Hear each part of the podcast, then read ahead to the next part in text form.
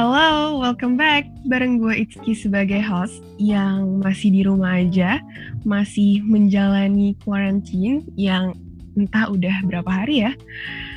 Tapi gue juga bersyukur karena masih bisa berkesempatan untuk menjalani ibadah puasa di bulan Ramadan ini.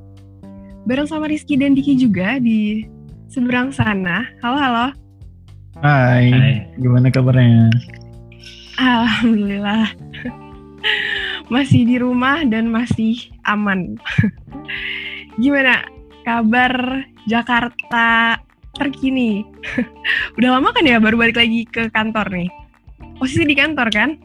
Ya hari ini lagi ngantor sehari ada beberapa hal yang memang harus diselesaikan gitu kan. Jadi karena memang hal-halnya urgent tidak bisa dikerjakan dari rumah jadi terpaksa harus ke sini.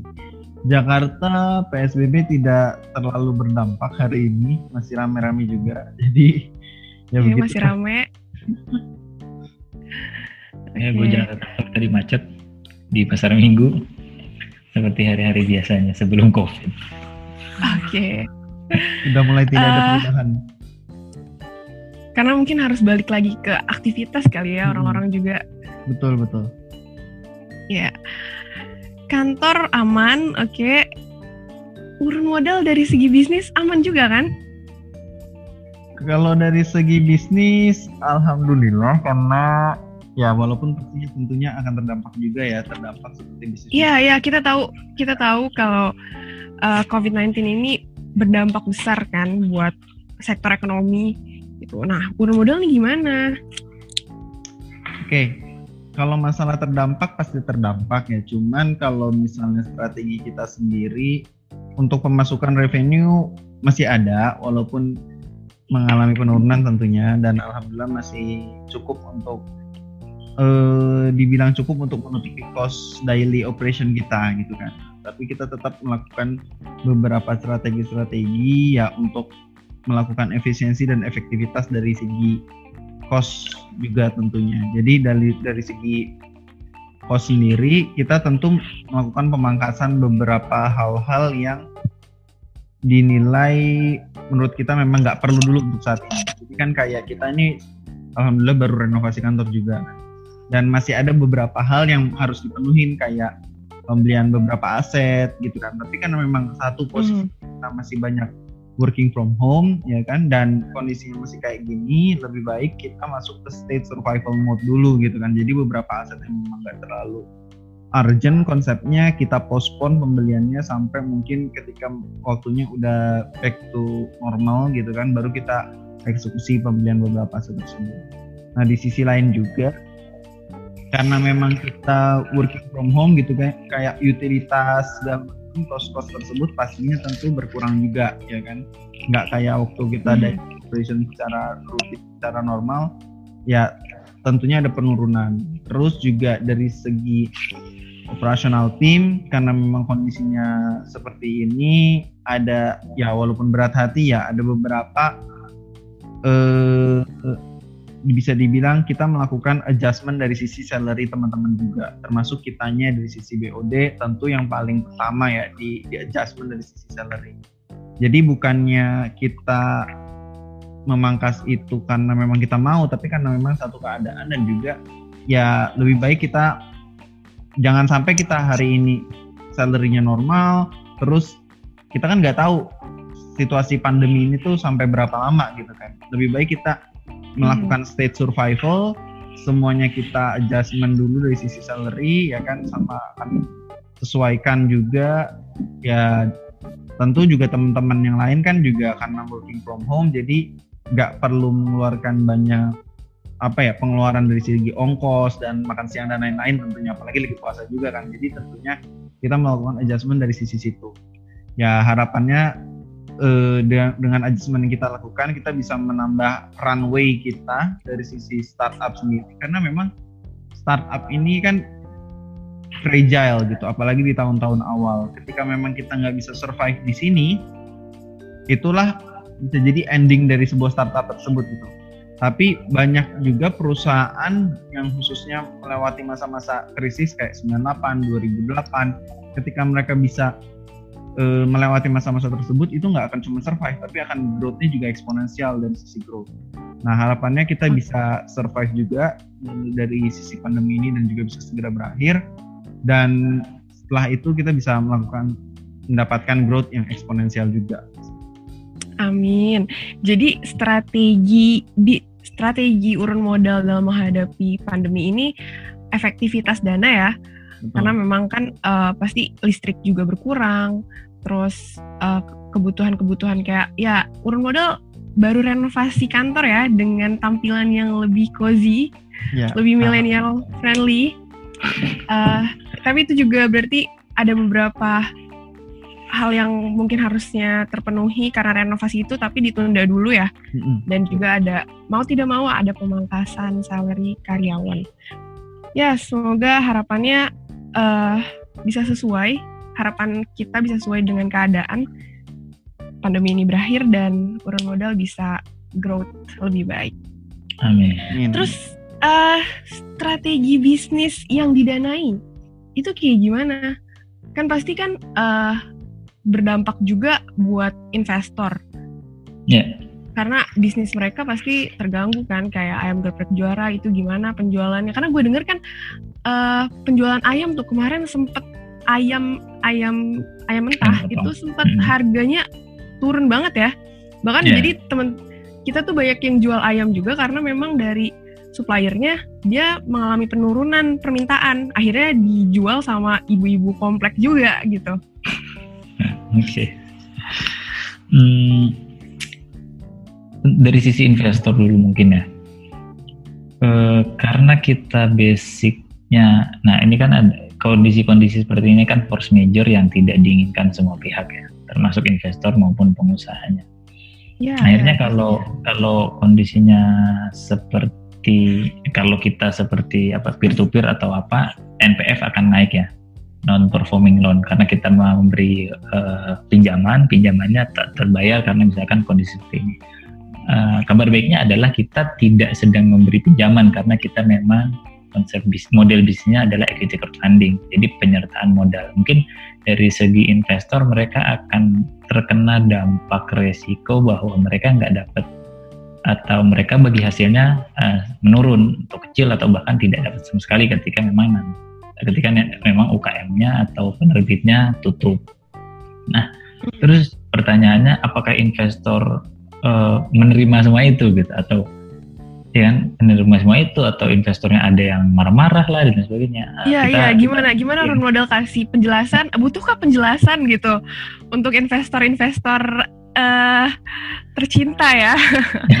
ya untuk investor-investor terhormat urun modal itu perlu nggak sih dikasih penjelasan dan penjelasannya seperti apa?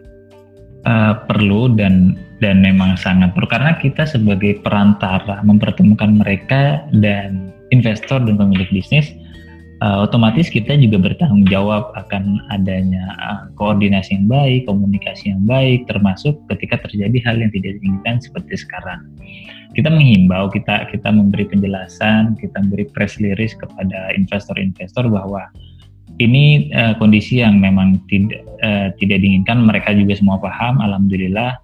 Mereka uh, menyambut baik apa namanya penyampaian apa penyampaian kita dan mereka bahkan karena mereka merasa memiliki outlet ataupun bisnis yang mereka dan ini mereka membantu membantu bagaimana outlet-outlet dan juga bisnis-bisnis yang mereka ada ini tetap survive.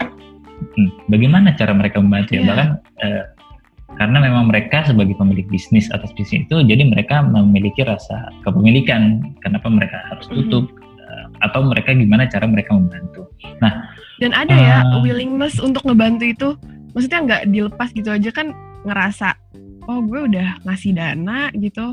Mm-hmm. oh, ya, ada maksudnya gini. Hmm. uh, tipe investor kan beda-beda ya. Tipe yeah. investor beda-beda. Ada yang bahasanya ada yang investor sultan.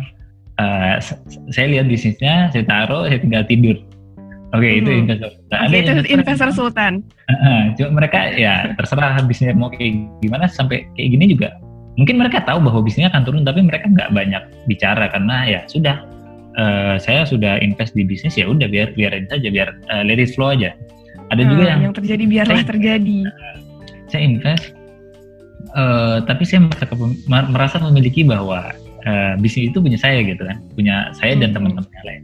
Nah nggak sedikit juga yang seperti ini gitu nggak sedikit yang seperti ini bahwa mereka merasa memiliki dan mereka mengebus mereka membantu mereka mendorong para pebisnis itu bagaimana cara mereka membantu promosiin uh, bisnisnya mereka gitu produk-produknya mereka. Ada juga tipe investor yang lain yang memang dari awal tujuannya profit. Tujuannya uh, saya invest tujuan saya pro profit ketika terjadi kayak gini mereka sedikit kesel mereka sedikit marah. Ada yang seperti itu tapi memang tidak banyak alhamdulillah. Jadi masih bisa kekontrol sama uh, investor-investor lain atau terbantu sama pemahaman investor-investor yang lain nah gitu itu tipe-tipe investor yang ada di kita ya. jadi memang ada yang okay. uh, sengaja untuk hanya ada investor profit. sultan ada iya. investor yang punya sense of belonging ada yes. investor uh, yang profit oriented ya yes Uh, pada dasarnya uh, kita, uh, semua investor profit oriented tapi uh, cara hmm. mereka biasanya berbeda. Yeah, Oke. Okay. Okay. Uh, Terus gimana kasih penjelasan buat investor yang tadi tuh marah marah-marah atau ya pastilah mereka ngerasa okay. harusnya gue dapet bagian hmm. yang normal gitu. Okay.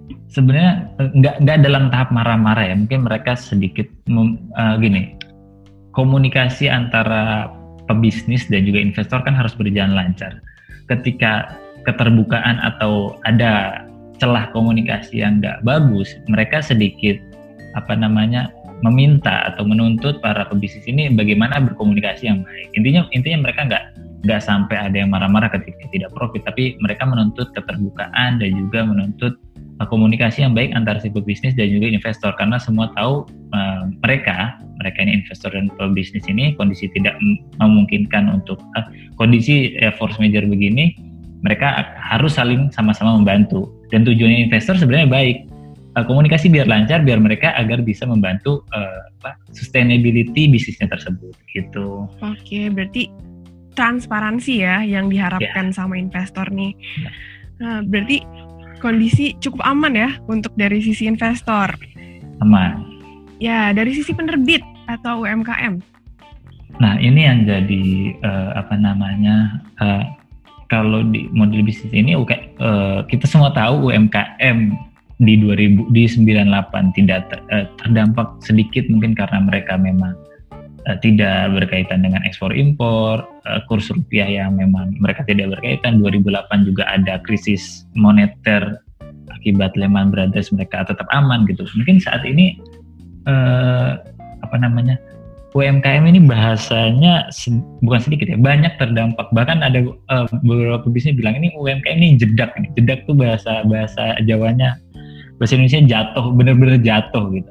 Uh. Uh, dan memang kita kan memfasilitasi urun modal ini kan memfasilitasi UKM ya. Jadi memang ini sedikit menguras apa namanya menguras tenaga kita bagaimana kita tetap survive. Uh, tujuan kita pertama adalah bagaimana kita tetap survive. Eh, kita tetap survive setelah pandemi ini. Karena ya semua orang tahu ketika krisis krisis berlalu akan menim, akan bermunculan uh, pemenang-pemenang baru atau UMKM yang memang kuat mereka akan tetap survive. Uh, pengalaman banyak uh, teman-teman kami banyak-banyak UMKM UMKM mungkin di tempatnya Iski juga banyak yang memang sudah tutup dan lain sebagainya. Nah hmm. di kami karena memang metodenya karena memang prinsipnya adalah kolaborasi kita kolaborasi sama investor dan juga uh, pemilik bisnis kita melakukan beberapa uh, way out atau jalan keluar bagaimana ini tetap survive. Mungkin yang pertama adalah kita menghimbau dari urun modal kita menghimbau karena kita sebagai perantara kita menghimbau bahwa uh, proses bisnis uh, berjalannya bisnis yang tetap ada ini semaksimal mungkin uh, mengefisiensikan cost. Jadi hal-hal yang memang dianggap tidak perlu tidak perlu ya tidak ada. Tidak tidak dilakukan pengeluaran misalkan ada perjalanan okay, seperti yang dilakukan urun modal berarti ya? Oke okay, uh, semuanya. Semua semua yang tidak uh, semua yang tidak berkaitan dengan penjualan di stop. Oke okay, semua yang okay. tidak berkaitan dengan penjualan kita contohnya, stop dan contohnya.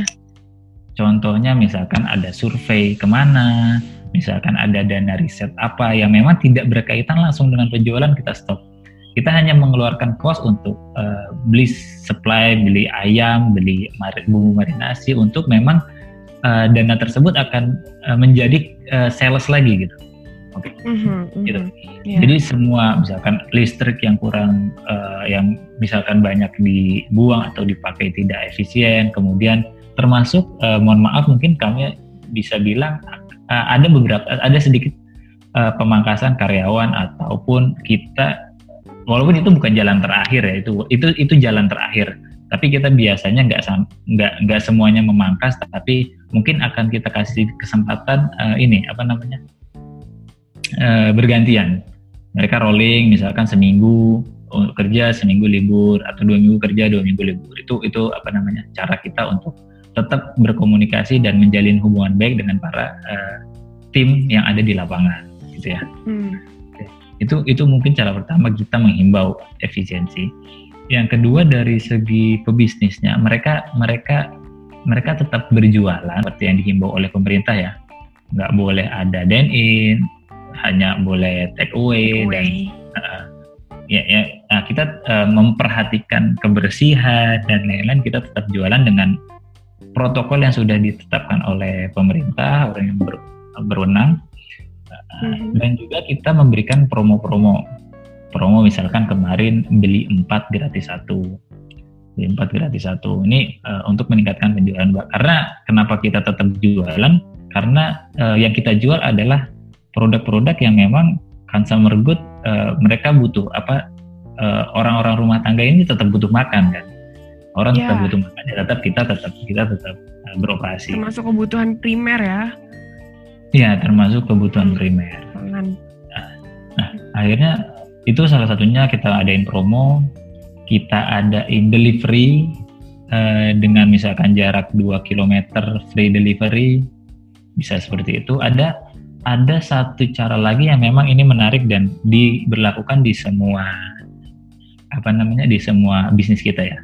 Caranya adalah gini uh, saat kayak gini kan banyak pekerja lepas pekerja harian yang memang mereka dirumahkan oleh perusahaannya mereka yang saat ini tidak punya tempat tinggal karena tidak bisa membayar kos gitu ya, ya seperti berita-berita okay, okay. yang kita dengar di TV dan media-media kan seperti itu ada yeah, di iya, tanah yeah, abang yeah. mereka nggak bisa bayar kos karena tanah abang tutup gitu kan mm. akhirnya mereka mereka kerjaan nggak ada tempat tinggal nggak ada tetapi kita sebagai sesama manusia dan apa namanya sama tinggal sesama tinggal di daerah yang sama banyak uh, banyak orang-orang baik, banyak orang-orang apa namanya dermawan yang memang ingin memberikan uh, bantuan ke mereka gitu. Setidaknya mereka Dengan bisa cara makan. Apa? Setidaknya mereka bisa makan. Setidaknya ya bisa kan? makan. Nah, okay. Karena kita men menyediakan karena bisnis-bisnis uh, urun model kebanyakan UMKM, akhirnya kita menyediakan makanan itu untuk mereka. Kita menyediakan makanan itu untuk mereka. Tetapi uh, tadi uh, ada orang-orang dermawan yang memang mereka memban mau membantu ke orang-orang yang tadi yang pekerja lepas, harian, ojol dan lain-lain itu mereka diberikan ayam. Misalkan mereka mereka datang ke kami oh ya saya beli uh, katakanlah eh, lima ratus ribu untuk beberapa porsi nanti porsi-porsi itu akan kita bagikan ke jalan-jalan. Dan bahkan ini gencar dilakukan oleh para investor hmm. kami. Wow. Jadi Memang investor ini misalkan investor-investor uh, yang baik hati dan cerdas ya.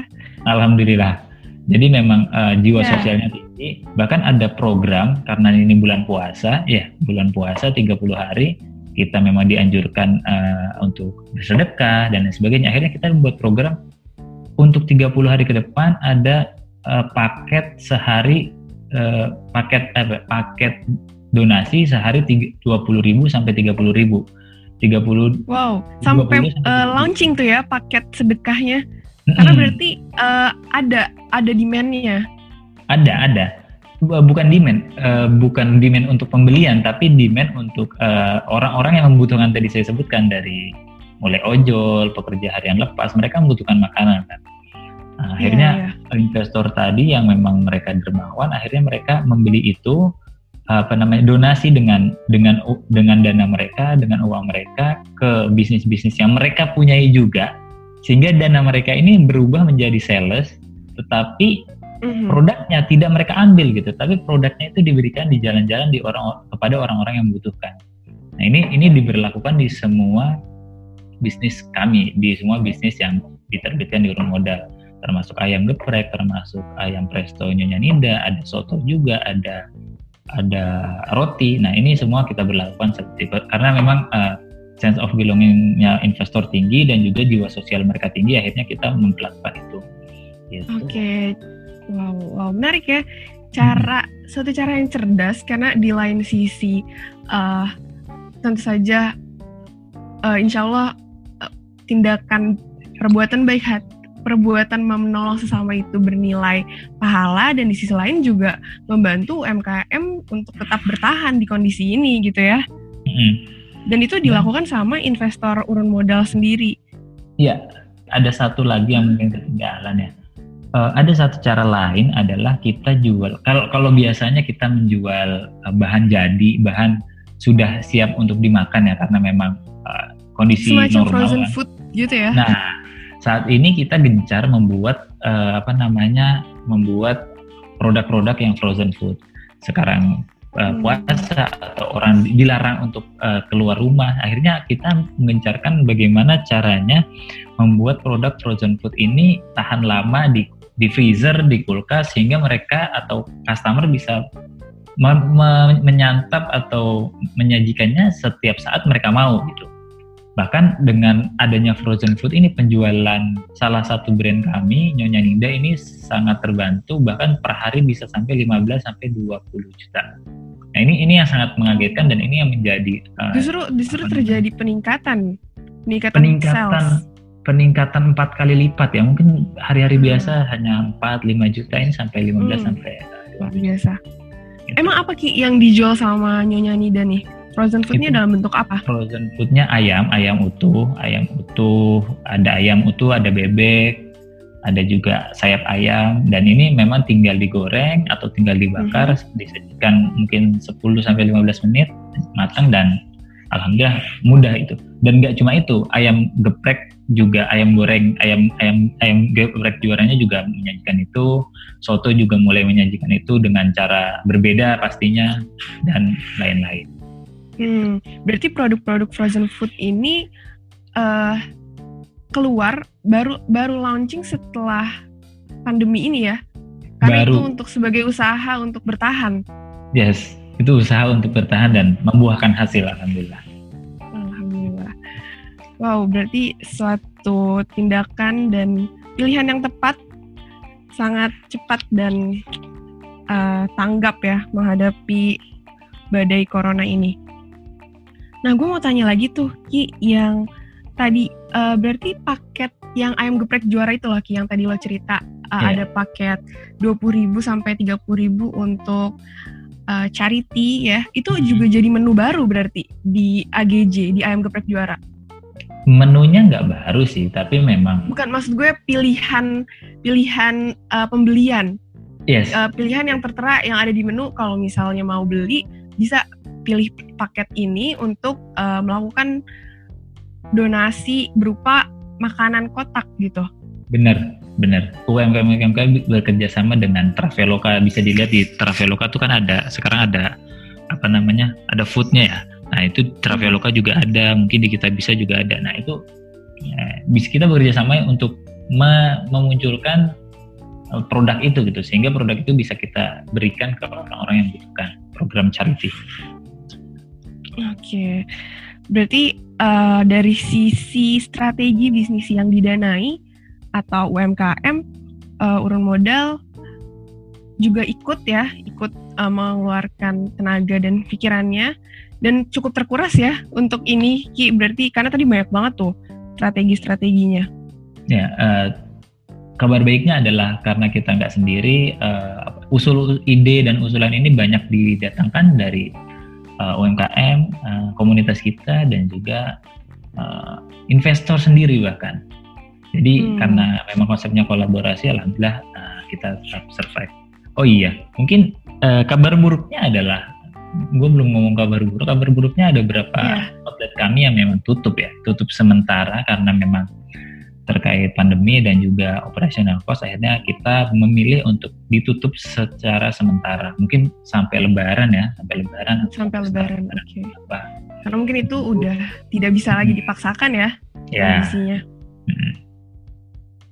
uh, kondisi apa tuh Ki? Maksudnya uh, indikator apa yang akhirnya dijadikan patokan mau tidak mau outlet ini harus ditutup? Uh, pada dasarnya balik ke sales ya. Pada dasarnya balik ke sales. Kalau salesnya tidak mencukupi untuk uh, operasional harian daripada nombok investornya atau daripada pebisnisnya nggak dapat bagi hasil sama-sama capek, uh, baiknya ditutup. Baiknya ditutup. Salesnya nggak sampai uh, target atau nggak sampai milimit untuk me, apa namanya menutupi operational mengcover uh, untuk mengcover hmm. operational cost sepertinya akan kita tutup untuk gitu. jangka waktu satu bulan maksudnya uh, terbukti satu bulan ternyata operational cost nggak bisa tertutup outlet ditutup gitu iya benar Oke, okay. berarti dari segi strategi bisnis yang didanai atau UMKM ada beberapa poin yaitu efisiensi dana ya sama kayak uh, perusahaan urun modal dalam menghadapi badai ini itu dilakukan efisiensi dana, tidak perlu mengeluarkan uh, dana-dana yang tidak langsung berpengaruh pada sales gitu ya. Terus ya. yang kedua promo, ada promo ongkir ya, terus promo-promo uh, paket berbuka. Kemudian uh, investor sendiri bahkan melakukan kegiatan charity amal dengan cara um, membeli produk yang ada di penerbit misalnya produk-produknya AGJ kemudian dibagikan kepada uh, yang membutuhkan ya selama kita yang membutuhkan bahkan karena uh, karena keinginan investor ini untuk charity tinggi bahkan sampai uh, launching produk atau menu baru ya untuk ya. paket-paket charity ini charity amal ini yang memudahkan supaya kalau misalnya ada yang tertarik buat berbagi bisa pilih menu tersebut kemudian yang uh, terakhir ada menu-menu baru yaitu frozen food yang hadir di uh, UMKM UMKM yang didanai urun modal dan ini dan frozen food ini hadir ketika masa pandemi ya yeah. benar-benar maksudnya uh, dulunya dulunya produk itu belum ada tapi karena uh, untuk sebagai usaha bertahan di kondisi ini akhirnya produk itu launching gitu ya yeah. produk-produk frozen food ini launching dan bahkan mengalami peningkatan sampai empat kali lipat Yes. Oke, menarik sekali nih teman-teman pembahasannya. Uh, semoga pembahasan kita di kesempatan ini bisa menghibur dan bermanfaat buat teman-teman pendengar. So, yeah, see you.